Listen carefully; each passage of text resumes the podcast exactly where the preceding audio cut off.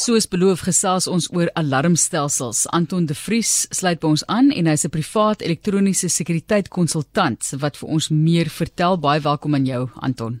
Baie dankie Marlies.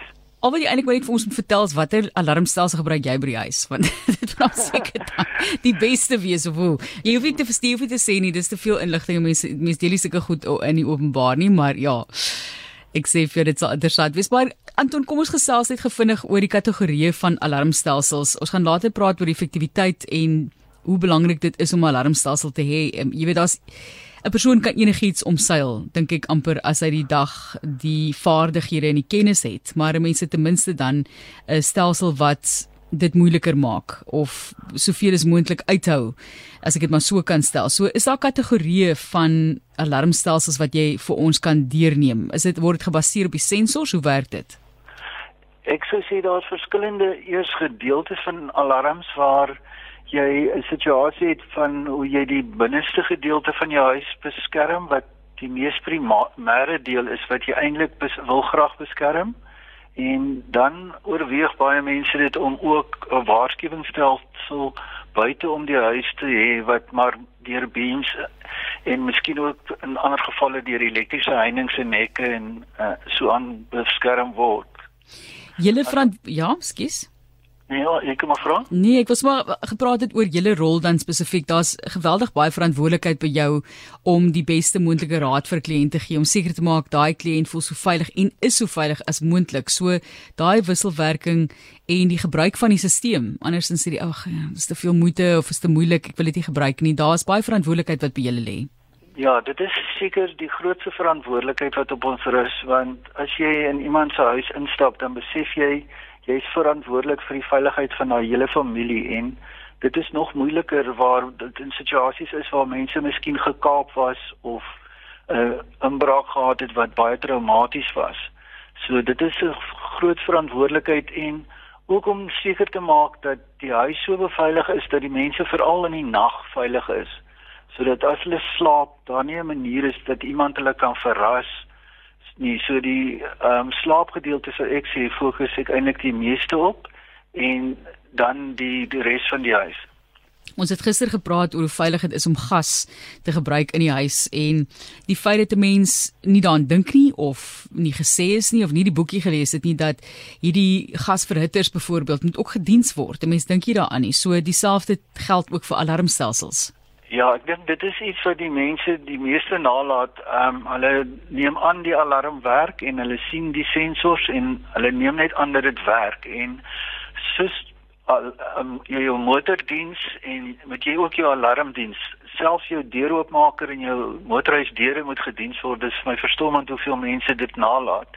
En ook met jou alarm is dit baie belangrik dat jy te alle tye sal seker maak dat hy werk. Die maklikste manier vir jou is eintlik om as jy in die huis stap, miskien net die alarm te laat afgaan en seker te maak dat hy in daardie opsig werk deur die reaksie van die maatskappy wat jou monitering doen, maar dit is beslis nie genoeg nie.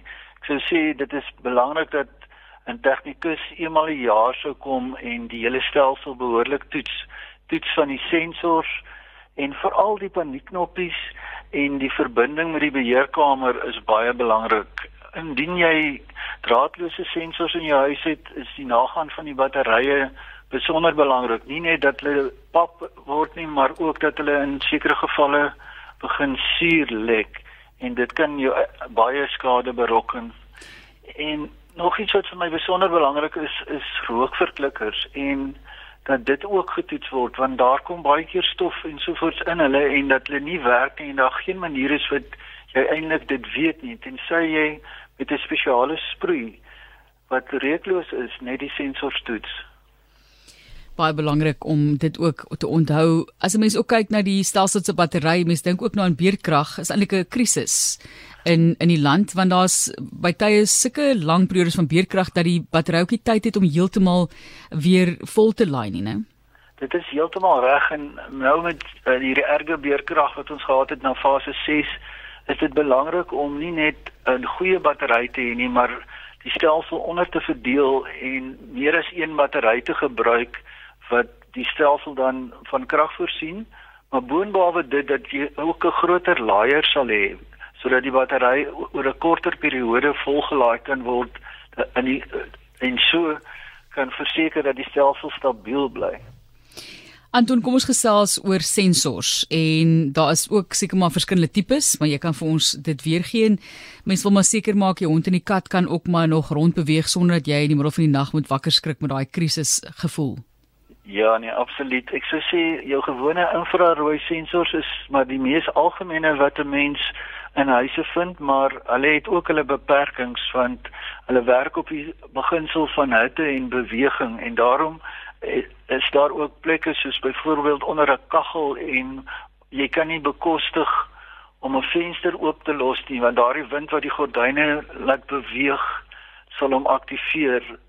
Daarom is daar dan gevalle wat ons wat ons noem dual tegnologie sensors gebruik wat dan ook van mikrogolf tegnologie gebruik maak wat vir jou baie beter stabiliteit gee in die huis uh, en ook met die omgewing dat dit nie so 'n impak op die sensor het nie.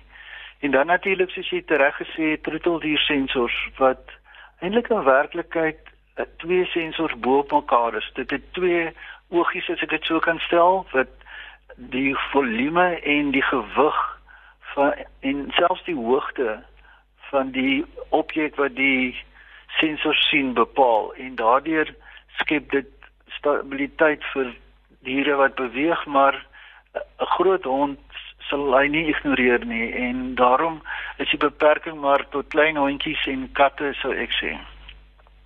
As jy vra het vir Anton kan jy 'n SMS stuur na 45889 dis rand 50 per SMS ons praat oor alarmstelsels en hy vat ons deur al die belangrike punte daarvan natuurlik ook. En Kom ons kyk jy het bietjie gepraat oor sensors die binne en die buite.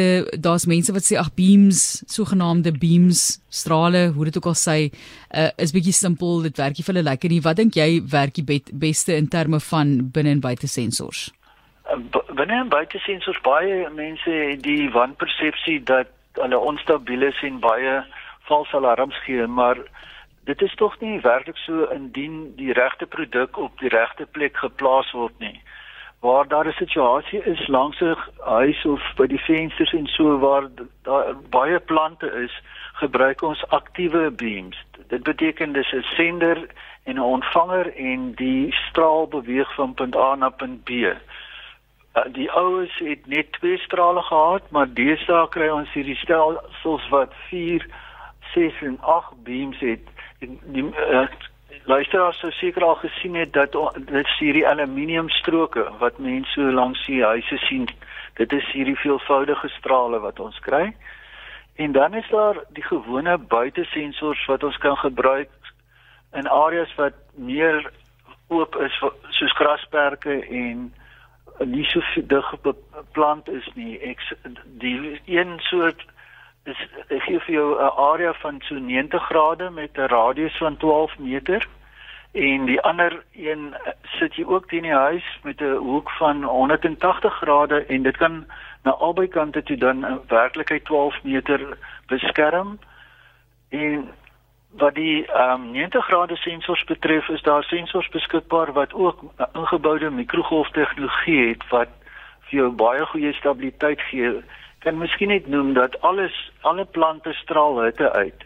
Al sien ons dit nie, maar die oomblik as hy fotosinteer, vind daar straal hy uit en dit is wat die sensors optel. En as ons dan die mikrogolf tegnologie daarby sit wat eintlik net werklike beweging optel, kry ons 'n baie stabiele situasie vir sensors buitekant.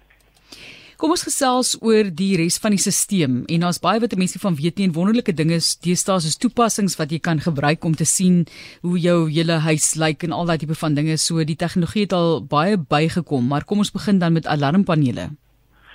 Ja, alarmpanele het ongelooflik baie verbeter in die laaste jare en die meeste stelsels is heeltemal modulêr.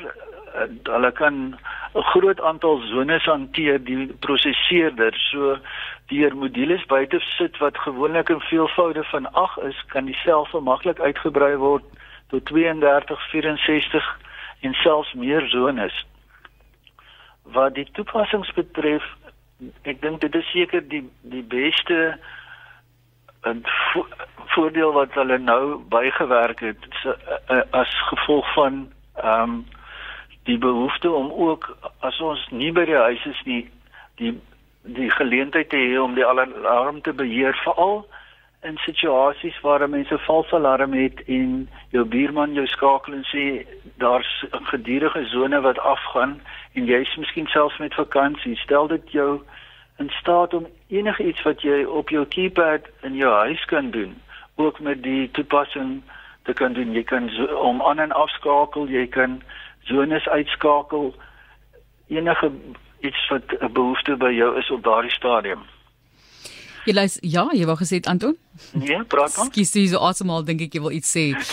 So mense kan gerus hulle SMS'e stuur. Iemand sê hierso wat my pla Martelies van alarms is dat die maatskappy jou bel as dit afgaan. Dan sit jy dalk oor see of ver van die huis, moet hulle nie net kom kyk nie. Hoe maak jy as jy werklik in gevaar is voor jy die paniekknoppie kon druk vra Alta. So kom ons praat oor die gebruik en jou beste wenke vir die verbruiker en hoe hulle daai stelsel moet hanteer. Wel, ehm um, ek sou sê as jy die paniekknop druk, is daar gewoonlik 'n vertraging in in die reaksie van die maatskappy, maar ek sou tog sê die die feit dat die dief of die aanvaller wel weet die sirene gaan af, sal is hy bewus daarvan dat daar 'n reaksie sal wees.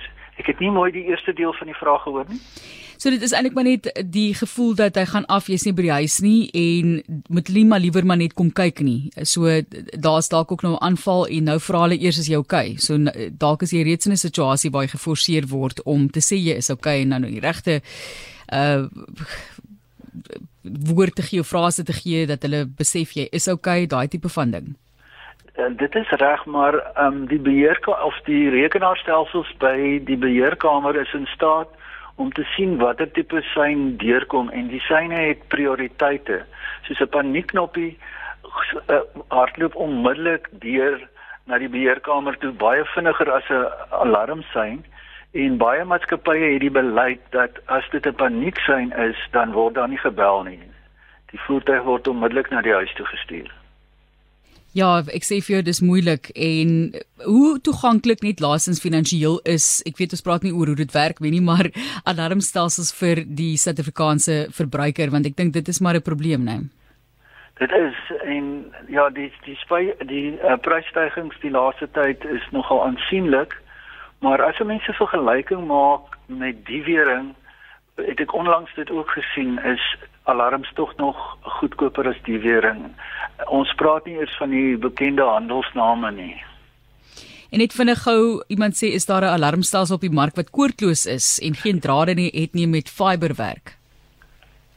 Nee, nie met fiber nie, maar daar is so studie, daar is baie gevorderde ehm um, alarmstelsels wat draadloos is met baie gevorderde meer gevorderde tegnologie as die algemene stelsels. Dit is 'n ek dink nie ek het nou die tyd om dit heeltemal ja. te verduidelik nie, maar batterylewe is jare, so 7 jaar en ehm um, dit is regtig uitstekende produkte wat deurkom.